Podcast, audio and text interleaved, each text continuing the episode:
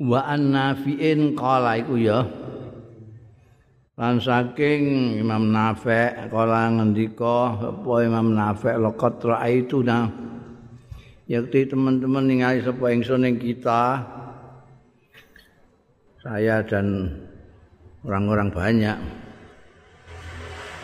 Asiatan ing dalam suwijine sore sudah malam petang. Waroka an sore-sore sapa Ibnu Amar. Sahabat Abdullah bin Umar ala najibin lahu ing atase apa jenenge untuk istimewa untuk paling bagus lah najib itu.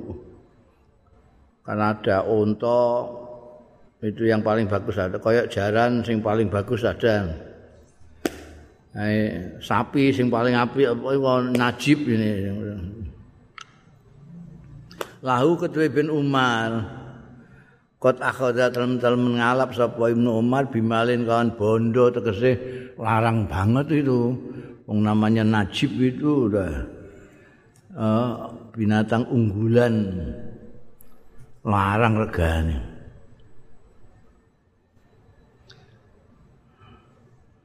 Palamma ajabahu mongko bareng gawokno ing Ibnu Umar apa sairuhu lupa lumakune najib mau apik temen. Untuk kok mlakune barang kok ya hebate ngene. Anakahu mongko diprokno sapa Ibnu Umar hu ing najib mau makanahu ing panggonane najib. Sumana zala mau kari mandap sapa Ibnu Umar anhu saking najib mau. Pakola mongko dawuh sapa in sapa Ibnu Umar ya Nafi'u Nafi' murid ya Nafi'u inza'u zimamahu. Eh copoten zimamahu ing kendaline Najib iki.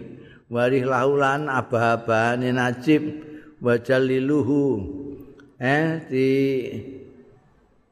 dikai tanda ya wa asyiru lan diwenehi uh, jalalu itu Jadi kalau orang naik haji itu membawa ternak apa itu unta, apa itu kerbau atau itu sapi atau kambing itu dikasih tanda. Ya, kayak tanda di kadang-kadang nek sing wonge brai wah dikai gendera-gendera barang pokoknya. Nanti itu untuk menunjukkan bahwa ini bukan dinaiki, bukan dijual, bukan apa, tapi akan disembelih di Yaumun Nahri di Mina. Itu atur-atur al-hadyu ya, itu di, di jalalu. Wa ashiruhu supaya diberitahukan kayak tondo bahwa ini adalah hadyu. Ya, Eh, menehi tenger ya najib. Wa adkhilu lan mlebokno sira ing najib iki fil butni ing dalem kelompoke unta sing didadekno atur-atur hadiu itu modelnya ngono Abdullah bin Umar itu kalau dia senang mbek bondo justru digunakan untuk takarrub ila ilallah taala. Kewan ya terus dikorbanno apa dinggo atur-atur. Ora disedekahno dinafkahno pokoke kalau dia suka berbeda dengan kita kita itu nek gak seneng lah kayak dikekno wong. Ya. Umar itu justru yang sangat disenangi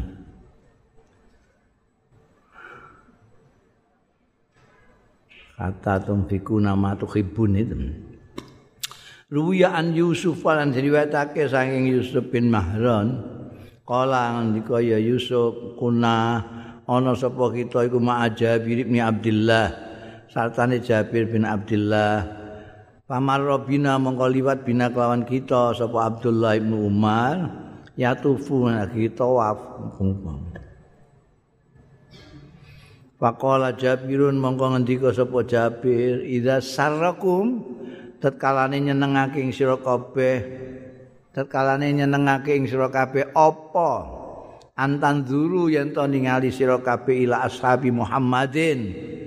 Maring sekabat-sekabate Anjing Nabi Muhammad sallallahu alaihi wasallam alladzina lam yughayyiru kang ora berubah.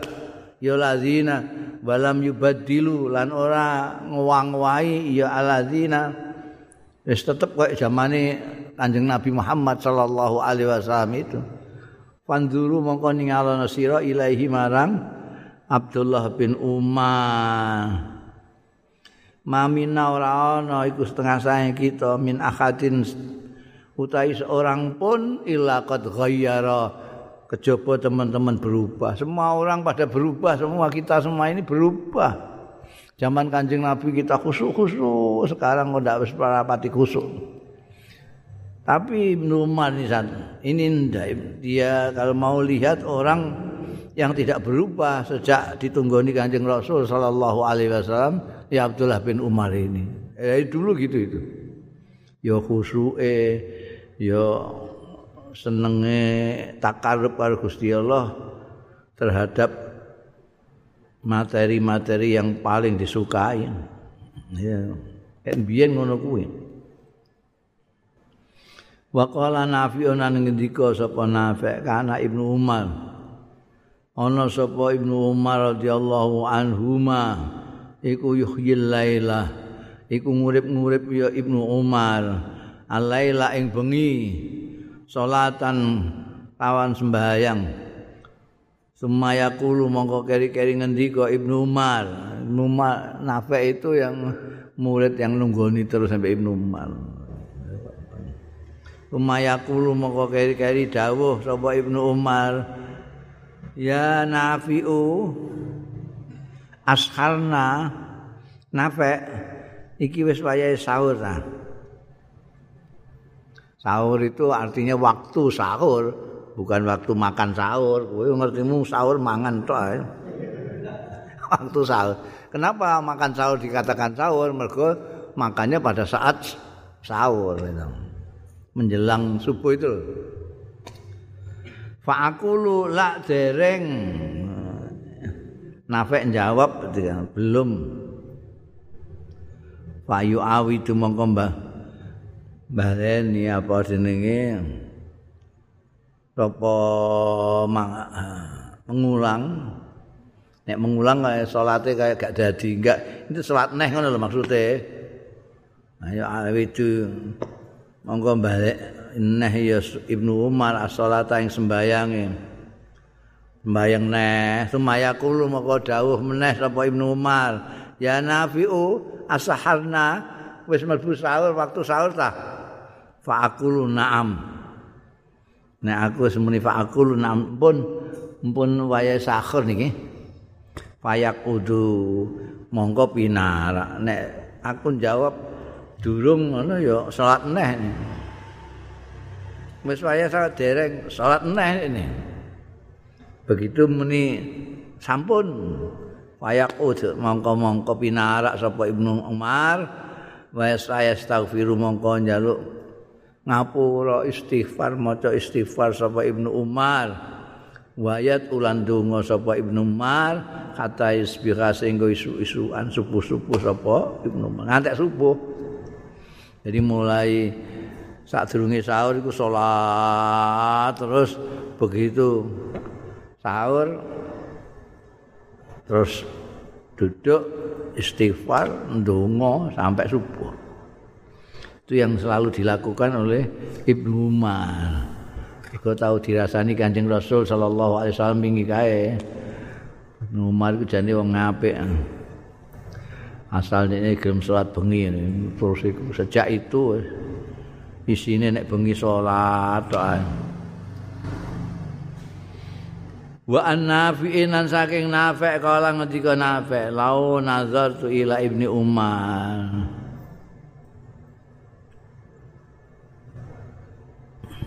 Lamun ningali sapa ingsun ila Ibnu Umar. Idza taba'at kalane ngetutno sapa Ibnu Umar asaran Nabi ing labete Kanjeng Nabi sallallahu alaihi wasallam. lau nazarta ngono lau nazarta lamun ningali sira ila ibni umar lamun lamun ku ya andai kata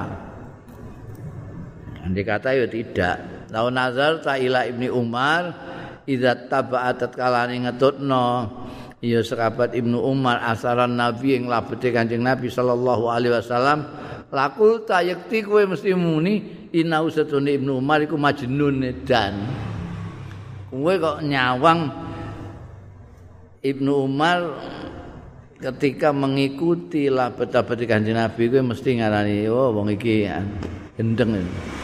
Mbok arani gendeng.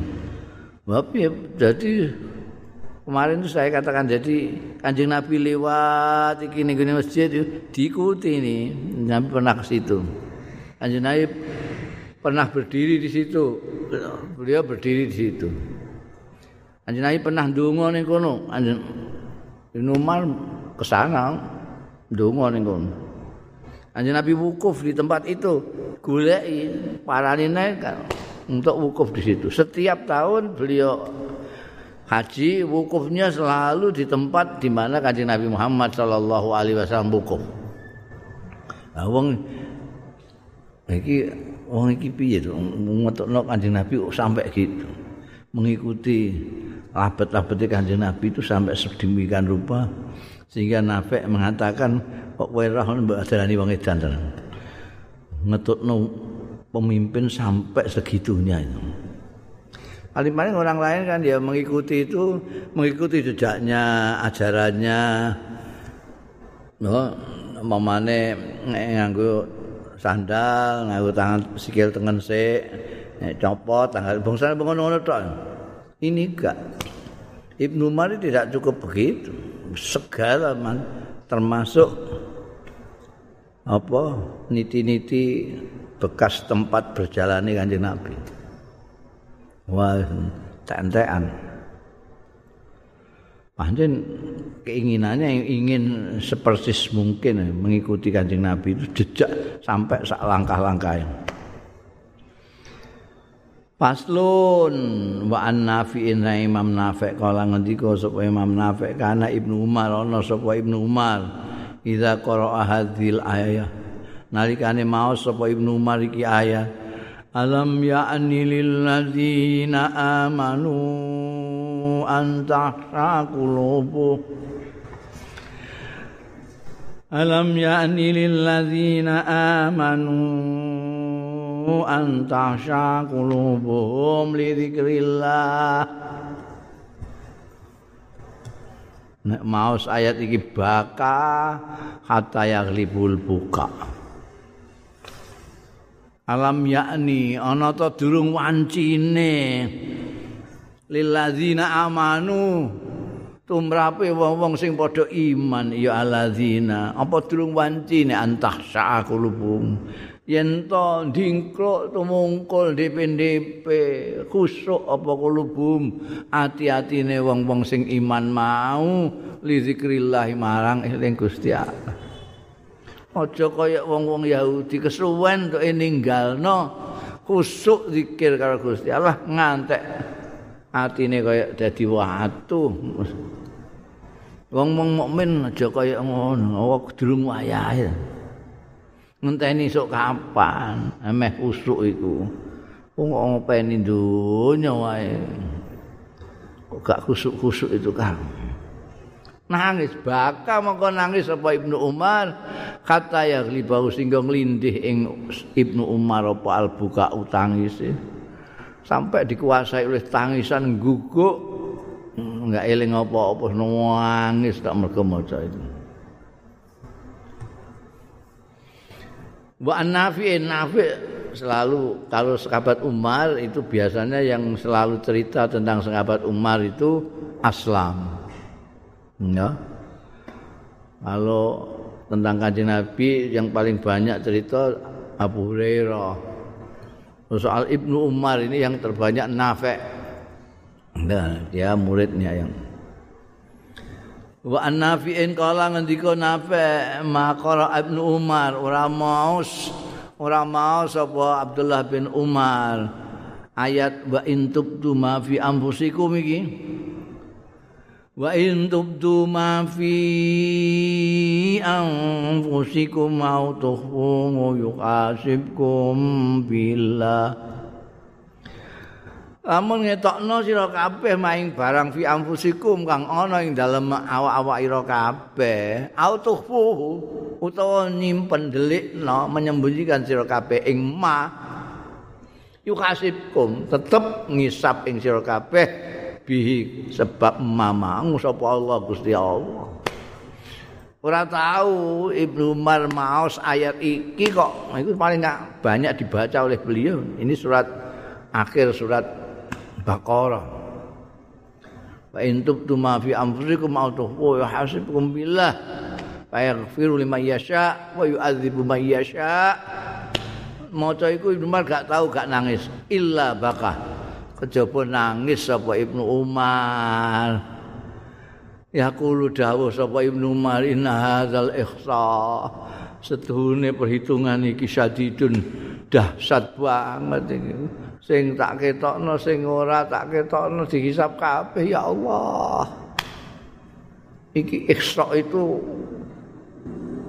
ora terima ya kayak survei gitu penelitian yang betul-betul dahsyat wong kok diteliti tidak hanya sing diketokno tok sing didelikno juga di teliti dihitung ya Allah nangis mesti nangis Ibnu Umar kita ini tahu nangis bahwa nek maca Quran ini. Mungkin maca Quran iku wong lagune. Eh maca Quran kan lagune. Allah Allah Allah. Niku rak Allah Allah rak lagune. Nek lagune elek wis ora tau mbok Allah Allah gak tau.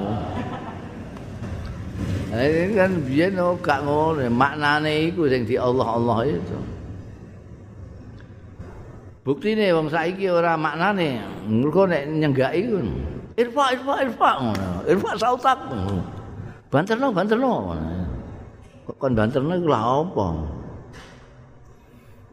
ora kok mergo maknane nah, tapi suarane ben munggah.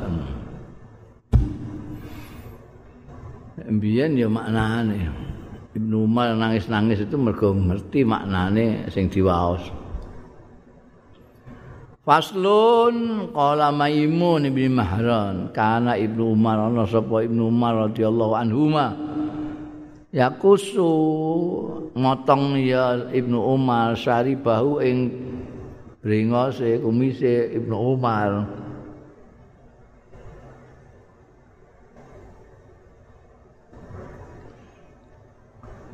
Hatta ya fiau singgo nipis sapa Ibnu Umar ing sari bahu. Jadi tipis wa yusammir lan mingkis sapa Ibnu Umar izarahu ing cara kene saronge pakaian bawahnya Ibnu Umar. Kata yakuna sehingga ana ya izaruhu ila nisfisaki nek tekan separone wentis. Ya jadi yang kene digulung-gulung nganti tekan wentis setengah wentis ya iku Wa qala nafi'un ngendika sapa nafi' mamata ibnu umar hatta taqa. Ora kapundhut sapa nafek la mamata ora kapundhut sapa ibnu umar ibnu umar. Hatta taqa. Sehingga merdekakno sapa ibnu umar alfa insanin ing sewu manusa. Auzata atau lebih. Oh model. Ana budak didol dituku dimerdekakno didol tuku didol ana apa? Budak apik dituku terus dimerdekakan. Seneng banget budak dituku. Mergo seneng didol. Ora ora didol dimerdekakan. Untuk takaruban ilallah taala. Mergo ganjarane gede merdekakno budak. Budak sampai sewu bahkan lebih seribu. Padahal budak siji itu minimal regane padha karo unta sing paling apik iku. Eh, iku seribu insan. Warubah mata sadaka lan terkadang sedekah sapa Ibnu Umar. Fil majlis ini persaksiannya muridnya yang mengetahui sendiri. Sing pancen cedak karo sahabat Abdullah bin Umar Imam Nafi itu. Baru bama tasaddaq kadang sedekah sapa Ibnu Umar fil majlisil wahidi ing dalam majlis sing siji. Bisalasina alfan telung puluh hewu ya telung puluh hewu Lagi ya senilai tiga jutaan lah.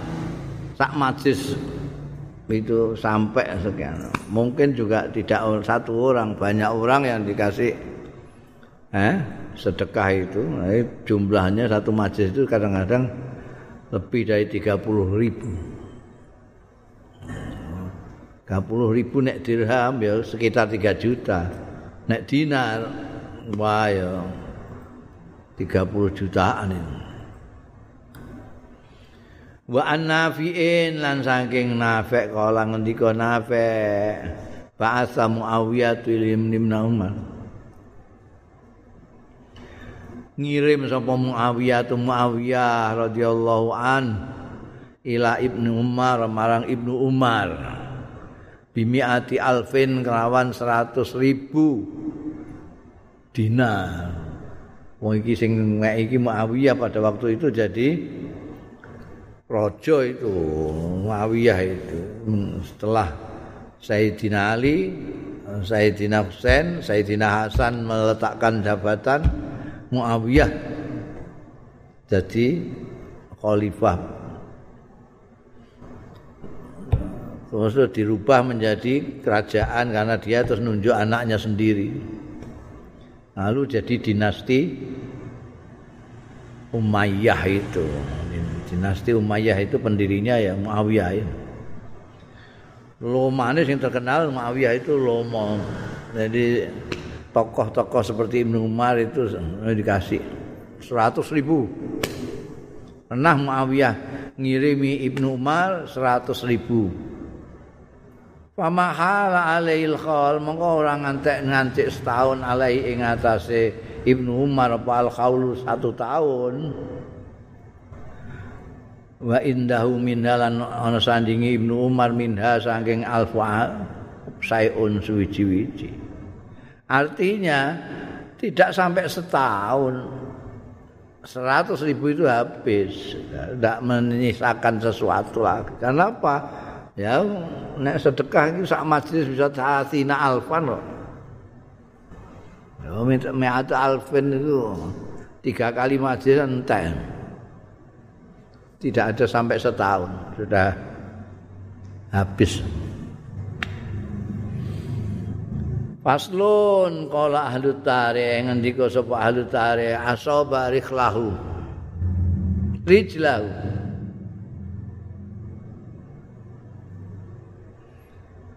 Menurut ahli sejarah asaba rijlahu ngeneki ing sukune Ibnu Umar apa Zajun Zajur Ramkhin uh, tikaman nek tikaman itu pedang biasanya tusukan. Ya tusukan tombak. Bimakata ning Mekah pawaramat rijlahu mongko abuh. Apa rijlahu? Suku kaliye Ibnu Umar Watu fiya mongko kapundhut sapa Ibnu Umar minda saking dene lukanya kaki beliau ini. Bimakata ana ing maka sanata arba ana ing tahun patang puluh tahun papak sanata arba. Wakila sanata salasa ora arba wasabin tapi salah wasabin beliau terluka kakinya karena kena tombak itu sampai luka sampai menjadi wafatnya. Mungkin tetanus apa ya. Sampai beliau wafat itu di Mekah tahun 74 wakila 73 sanata arba wakila sanata salas wa sab'in tahun 74 atau 73 Hijriah. Wa dufina bil mahsab anden sareake bil mahsab ana ing mahsab. Mahsab iku daerah di dekat Mekah situ. Wakila ana sing ngendikake bidit tua. Bidit tua itu juga di sekitar itu. Wakila Bisarafin ini nama-nama daerah di seputar Mekah itu. Gak di Makla ya, di Mahsab, di Tua atau Bisaraf. Beliau waktu itu bahwa kali utai Ibnu Umar, iku Ibnu Sitin wasamani nasanatan yuswa wolong puluh enam tahun.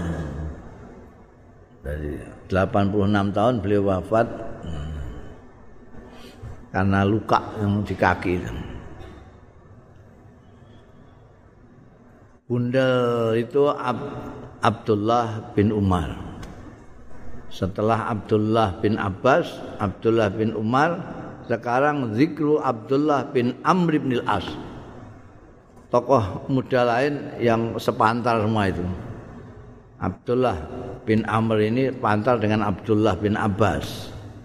Yang agak tua sedikit Abdullah bin Umar ini. Tapi tahunnya tahun itu semua. Nek masa ini tahun 600-an lah. Eh, eh, Abdullah bin Amr bin Al-As yu'addu fi ahli Makkah dihitung sapa Abdullah bin Um Amr fi ahli Makkah ing dalam penduduk Mekah. Kala ahli tarikh ngendika sapa ahli sejarah tahawala pindah sapa Abdullah bin Amr bin As min Makata saking Mekah ila Taifi alang Taif. Taif itu daerah yang lebih tinggi dari jadi kalau ke Mekah itu munggah. Nah, ini sampai ke Taif. Dia masih disebut sebagai penduduk Mekah meskipun menurut ahli sejarah Abdullah bin Amr bin As ini pindah ke Taif.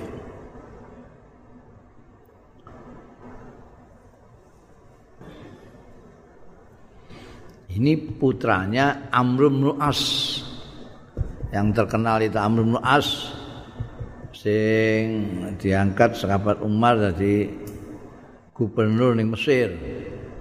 Kemudian diangkat Muawiyah sebagai tangan kanannya. Itu Amr bin As. Ini putranya Abdullah bin Umar, Amr bin As. Amr bin As itu putranya Al-As bin Wa'il. Sepuh dedengkotnya kufar Mekah.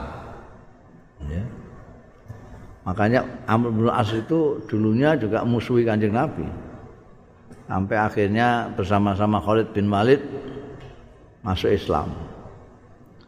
Putranya ini ahli ibadah.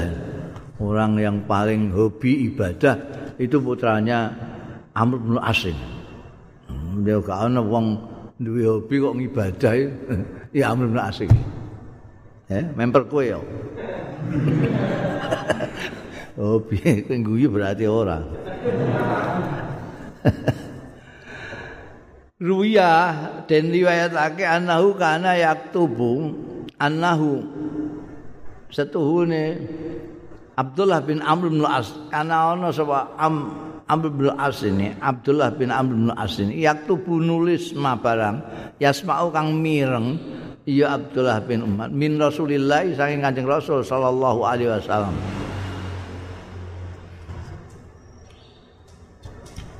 bukan tidak izin istazanahu. Nyuwun izin. Wani piye? Gak izin. Nyuwun izin sapa Abdullah bin Amr min hu ing Kanjeng Rasul sallallahu alaihi wasallam fi dzalika ing dalem mengkono-mengkono nulis. Fa azina mongko ngizini sapa Kanjeng Rasul sallallahu alaihi wasallam lahu marang Abdullah bin Amr bin As Amr bin As in, Abdullah ini salah seorang sahabat muda yang melek huruf. Ya baca ya bisa nulis bisa.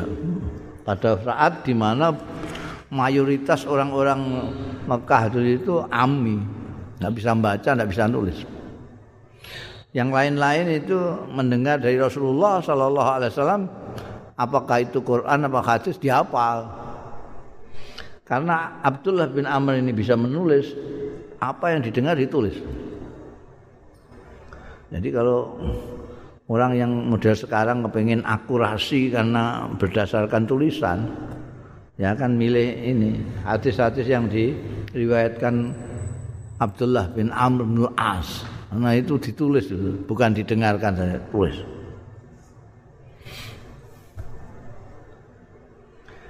Ruwiyah dan diwetake anna ustuhune Amr Abdullah bin Amr bin As iku hafizho apal anin nabi saking kanjeng nabi sallallahu alaihi wasallam alfa masal seribu kata-kata mutiara. Seribu petatah petite itu seribu diapa jadi tulisi terus diapalno kila dengan dikake karena ono sopo Abdullah bin Amr iku yaqra'u maos kutubal awalin ing kitab-kitabe wong-wong dhisik-dhisik. Oh itu keistimewaannya beliau ini Abdullah bin Amr bin As ini dia bisa karena bisa membaca, dia membaca. Taurat dibaca, Injil dibaca, kitab-kitab orang dahulu diwacani oleh beliau. Ruya dari wetake annahu ra'ah Anau setuhune Abdullah bin Amr. Ro'ani ngali ya Abdullah fi abdi Rasulillah. Ing dalem masane Kanjeng Rasul sallallahu alaihi wasallam ningaline fil manam. Ing dalem waktu sare ka'anna fi ihdayadaihi. Kaya-kaya setuhune iku ing dalem salah sijine. Asta kaliye Abdullah bin Amr bin As asalan ana madu. Wa fil ukhra lan ing dalem astane sing liya samnan ing samin. Dadi ngipi zamane sugenge Kanjeng Nabi ngipi tangan kanannya ada madu tangan kirinya ada samin. Karena ono sapa Abdullah bin Amr dalam mimpi itu iku yulaikuha yulak yulaikuhuma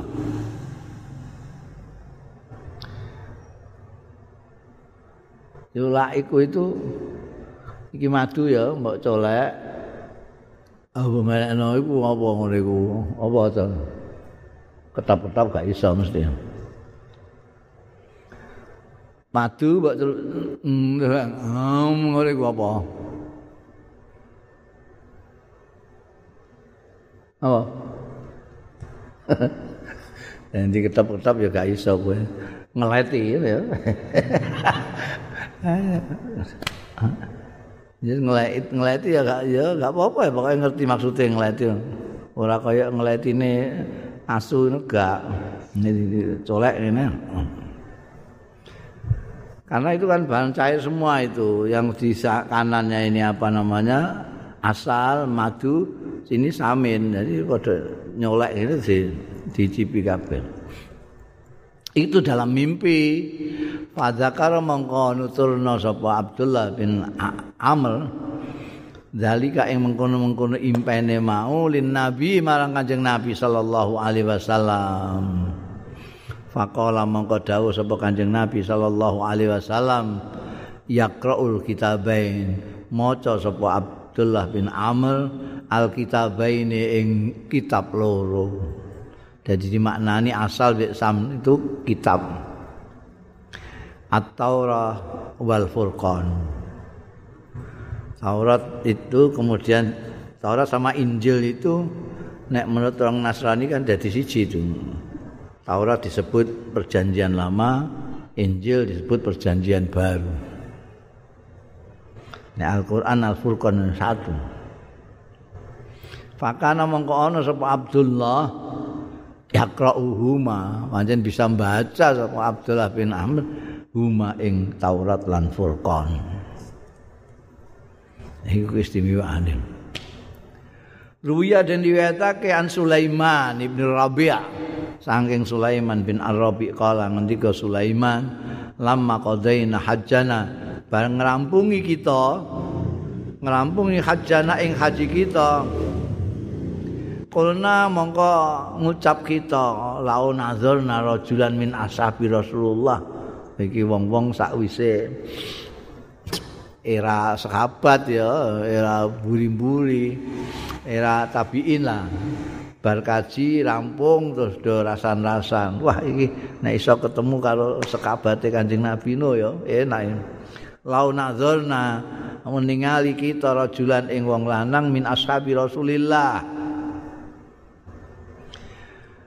sahabat-sahabat Rasulullah sallallahu alaihi wasallam fatahaddatsna mengko kita bisa berbicara tahaddatsna kita ilaihi marang rajulan min ashabi kalau kita bisa nemokno salah satu dari sahabat-sahabat Kanjeng Nabi ngono iso kita ajak bicara-bicara. Ngene fadulilna, fadulilna mongko dituduhno kita ala Abdullah bin Amr. Ngomong-ngomong ngono sekadar kepengin ketemu salah seorang sahabatnya Kanjeng Nabi. Ya itu itu itu. Ditundukno Abdullah bin Amr bin Al-As. Fa'ataina mongko nekani kita manzilahu ing tempat tinggale Abdullah bin Umar.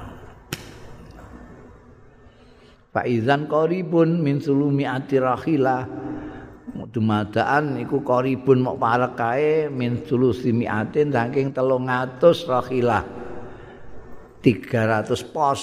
Ndak begitu jauh. Gitu.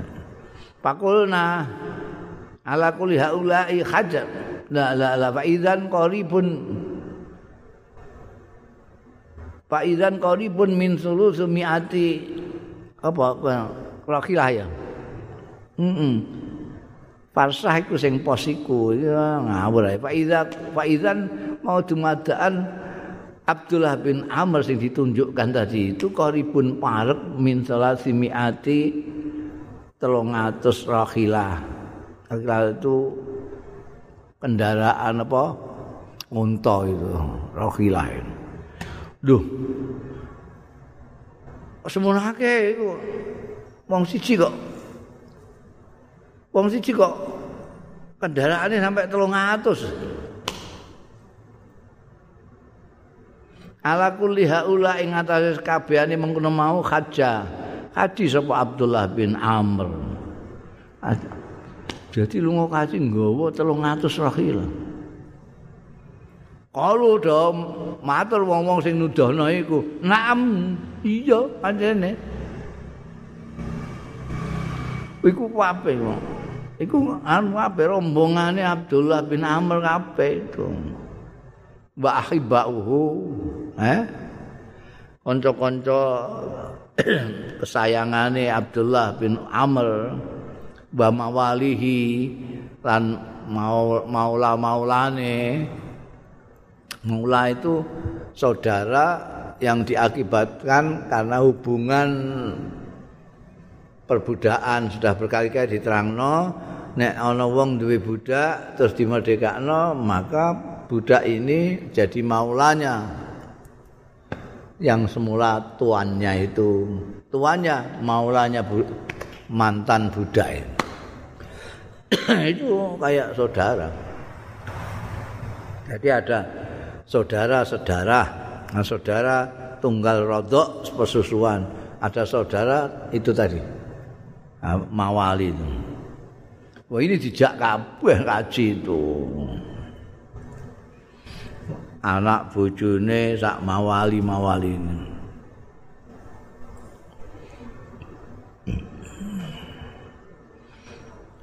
Kala ngendika Sulaiman bin Rabi. Kulna mau ngucap kita aina huwa iku ning ndi wa utawi Abdullah. Abdullah bin Amr ning ndi?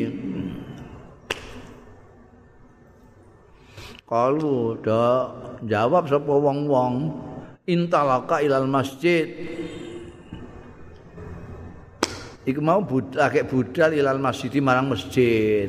Iki kendaraan-kendaraan para jak nama kembali kita ilal masjid marang masjid. Akhirnya balik nang masjid nanti kandani nek Abdullah bin Amr salah satu sahabat Kanjeng Rasul sallallahu alaihi wasallam itu sedang kembali ke masjid. Tututi ning masjid. Fa idzan nahnu bi rajulin. Mongko dumadaan nahnu ta kita iku ketemu bi rajulin kelawan wong lanang. Abyad raksi sing putih sirahe, rambutnya putih.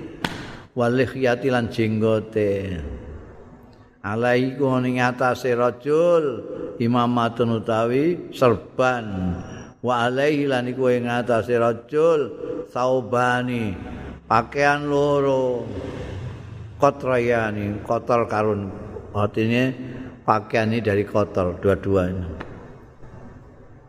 Kotor yani itu sauban dari kotor Laisa kang ora ana alai ing atase rajul apa komisun komis. Ya iku nek delok iki pakaian itu oh, sing komis itu sing kaya kita punya gini ini ana kancinge sak piturute. Tapi ada pakaian yang sop mau dikemul notok, ngisore diblebet notok. Ridak karo izar itu. Iki nek laisa alaikum enggak pakai kamis. Nek saiki sing disebut gamis itu ya, kita ngarani jubah itu, pakaian kayak kemejan tapi landung sampai tekan kaki.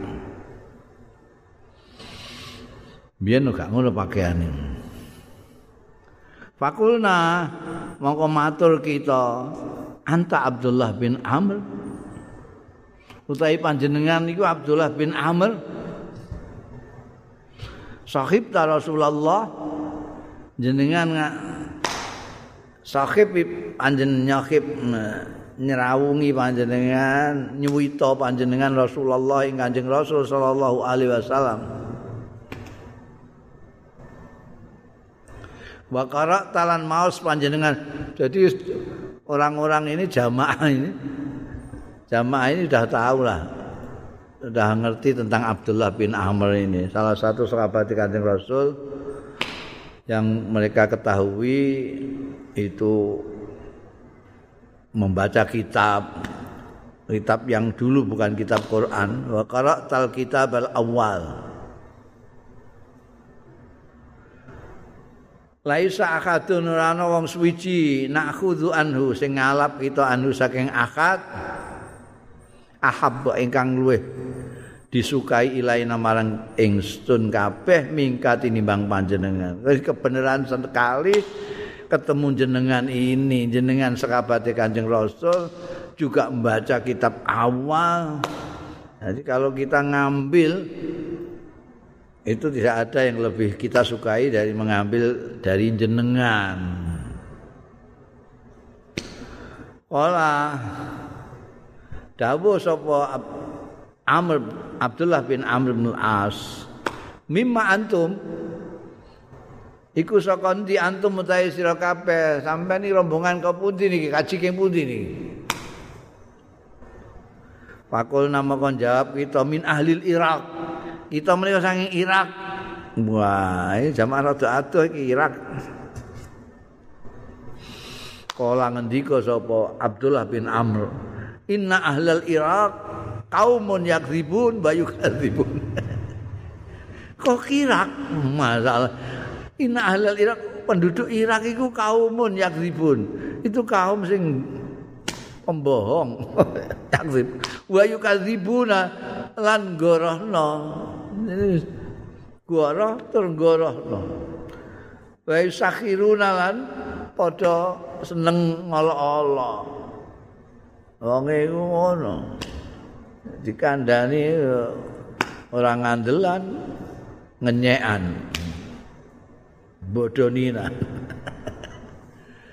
Kulna matur kita gak enak kabeh iki dikono wong Irak iki. Kulna matur kita makuna ora ana kita iku lan makuna. Terus piye lanu kadzibu ka ngono ya.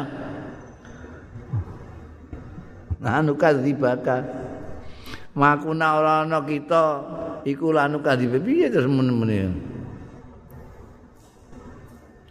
ora lanu kadzibu iku sing ngarokati sing gendeng itu.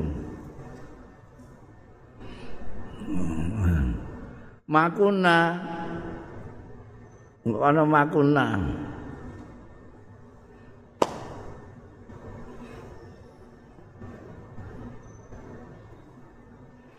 nek gak ana lane malah hampir ma iku wis maknane ora ya. Ora ana kita iku mukadzib bukan ngono mesine ora ana lane memang ana lane ya padha ae nek sing nguri gak apa-apa mbok ilang. Sing ngarep iki gadhok mergo ana makunane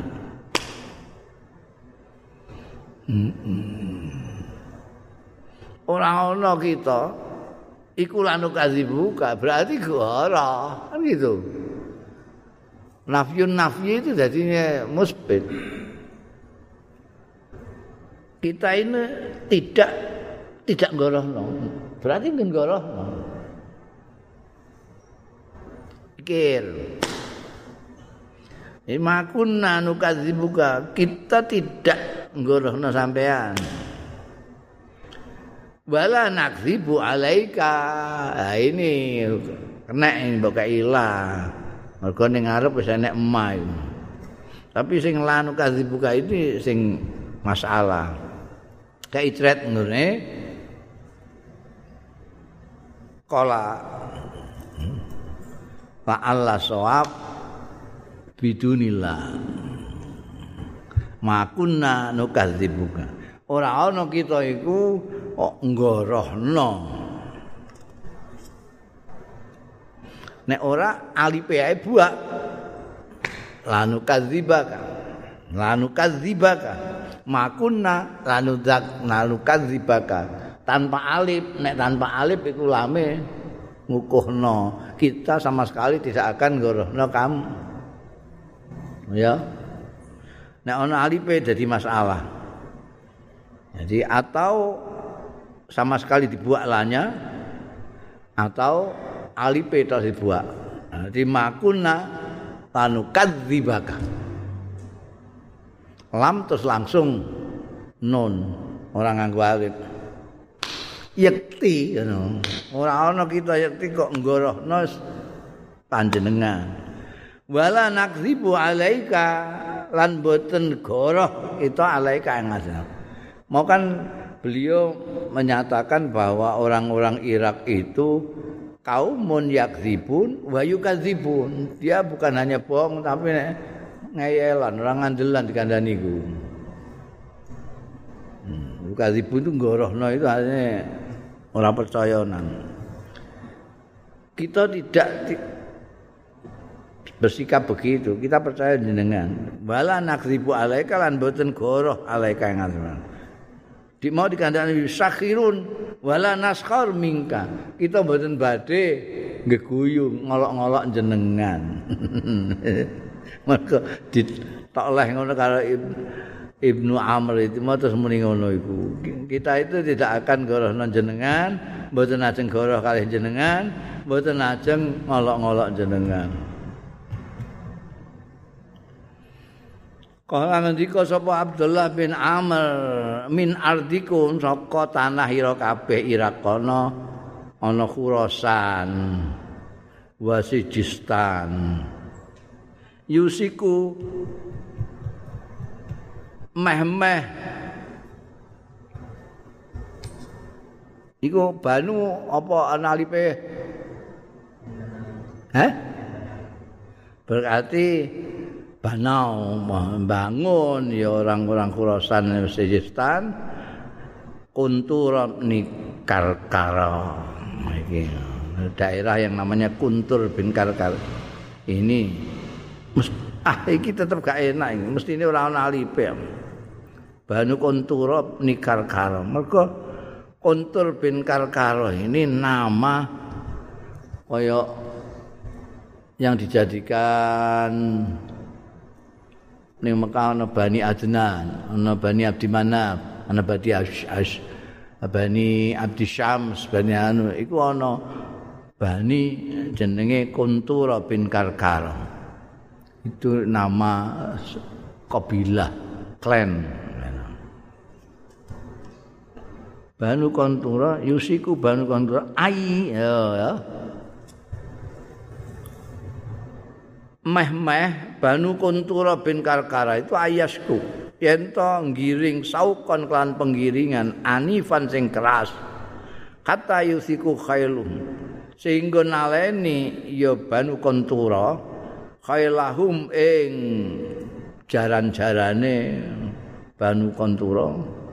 binahlin sati idajlah ana ing wit kurmane pantai dajlah pinggirane sate itu pinggir.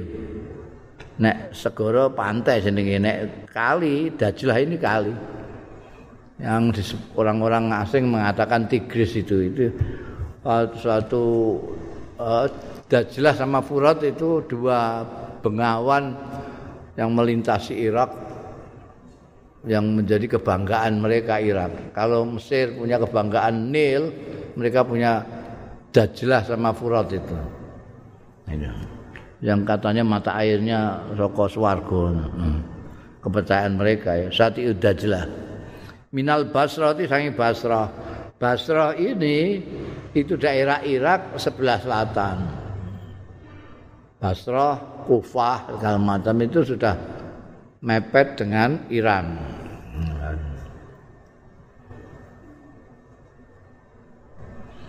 Kata yang zilu sehingga mudun ya orang-orang Banu Kontura Ibnu Karkar ini Al Ubullah yang daerah Ublah Ubullah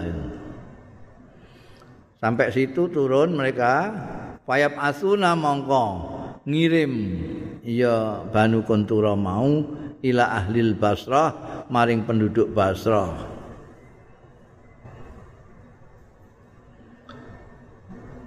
Ngirim ngirim utusan kepada ahli Basrah mengatakan imma antakhlu lana ardakum yento membiarkan kalian semua artinya dilepaskan ngepaskan sira kabeh lana kanggo kita ardokum ing tanah ira kabeh au nasiru ilaikum. Utawa kita menyerang ilaikum marang sira kabeh. Nasir itu berangkat ke ke kepada kalian itu artinya nyerang. Piye ahli Basra diancam sama Bani Kontura bin Karkara mau. Kamu lepaskan tanah kamu ini, kamu pergi atau kita perangi kamu. Kala ngendika sapa Abdullah bin Amr As, fayaf tarikuna salah safirakin. Mongko jadi pencar, ada apa? Bercerai-berai ya ahli Basrah salah safirakin awan telu pira-pira pantan sampai pencar tiga pantan. Amma firqah, amma firqah nanti satu firqah. Fatal haku bihim. Mongko nututi ya firqah bihim kelawan orang-orang Banu Kontura ini. Wa amma firqatun satu firqah lagi. Fatal haku mongko nututi ngetutno metui ya firqah bil kufati kelawan kufah ada yang lari ke kufah wa amma firqatun ana dene satu firqah lagi fatal haku mongko melayu nututi bil a'rabi kelawan wong-wong pedalaman. Arab itu orang, -orang pedalaman. Bahasa Arab masih wasli itu ya orang Arab. Fayaf kusuna mongko tinggal. No, tengok-tengok tinggal ya orang ahli Basra mau sanatan setahun. sumayab asuna ila halil kubah. Mongko keri-keri ngirim sapa? Banu konturah mau ila halil kufati marang ahli kufah.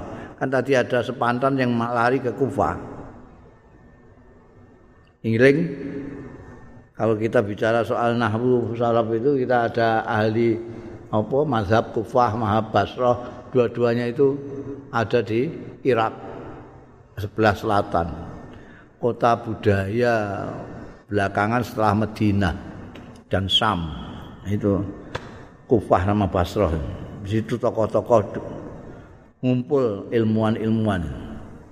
Ini cerita tentang sejarah orang-orang kontur bin Karkar ini Semayap asuna ila ahli kufah dikatakan kepada orang ahli kufah imma antahu takhlu lana ardokum.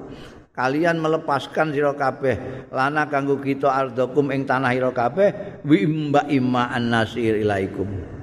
Seperti tadi ketika kepada orang Basrah juga dikatakan begitu kamu biarkan tanah kamu lepaskan tanah kamu atau kalian kami serang. Saiki kufah yang diancam begitu. Wa am wa imma an nasira ilaikum atau kita yang menyerang ilaikum marasira kabeh.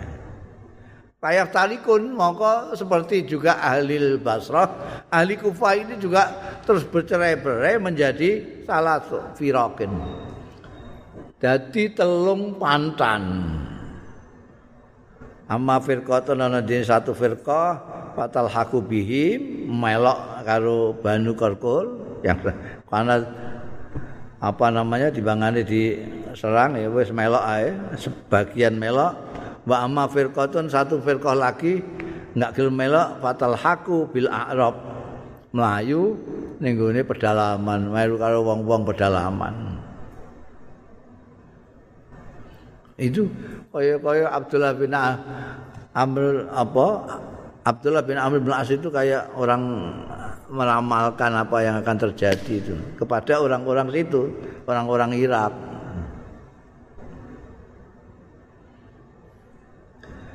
Kulna kita matur kan itu. Ma ammaratu zalika. Iku napa ammaratu zalika utawi alamat-alamate tandane niku terjadi napa niku?